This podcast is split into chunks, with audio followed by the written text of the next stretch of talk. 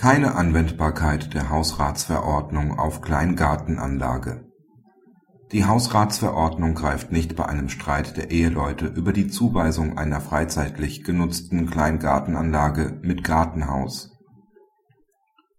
Eine von den Eheleuten gepachtete und rein zur Freizeitgestaltung genutzte Kleingartenanlage, bestehend aus einem Grundstück mit Gartenhaus, unterfällt weder als Hausrat noch als Ehewohnung der Hausratsverordnung eine Zuweisung ist dementsprechend nicht möglich.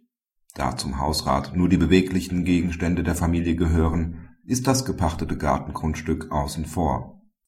Das aufstehende Gartenhaus kann unabhängig von der Einordnung unter § 94 Absatz 1 Satz 1 oder § 95 Absatz 1 BGB nach dem Sinn und Zweck der Hausratsverordnung nicht isoliert verteilt werden.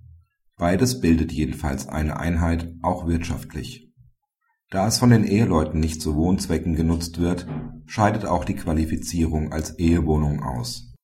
Praxishinweis Haben sich die Eheleute bereits hinsichtlich der Hausratsaufteilung abschließend geeinigt und besteht nur noch Streit über die Erfüllung, ist dies bis zum Inkrafttreten des FAMFG am 1.9.2009 noch eine Angelegenheit, die vor den allgemeinen Zivilgerichten ausgefochten werden muss.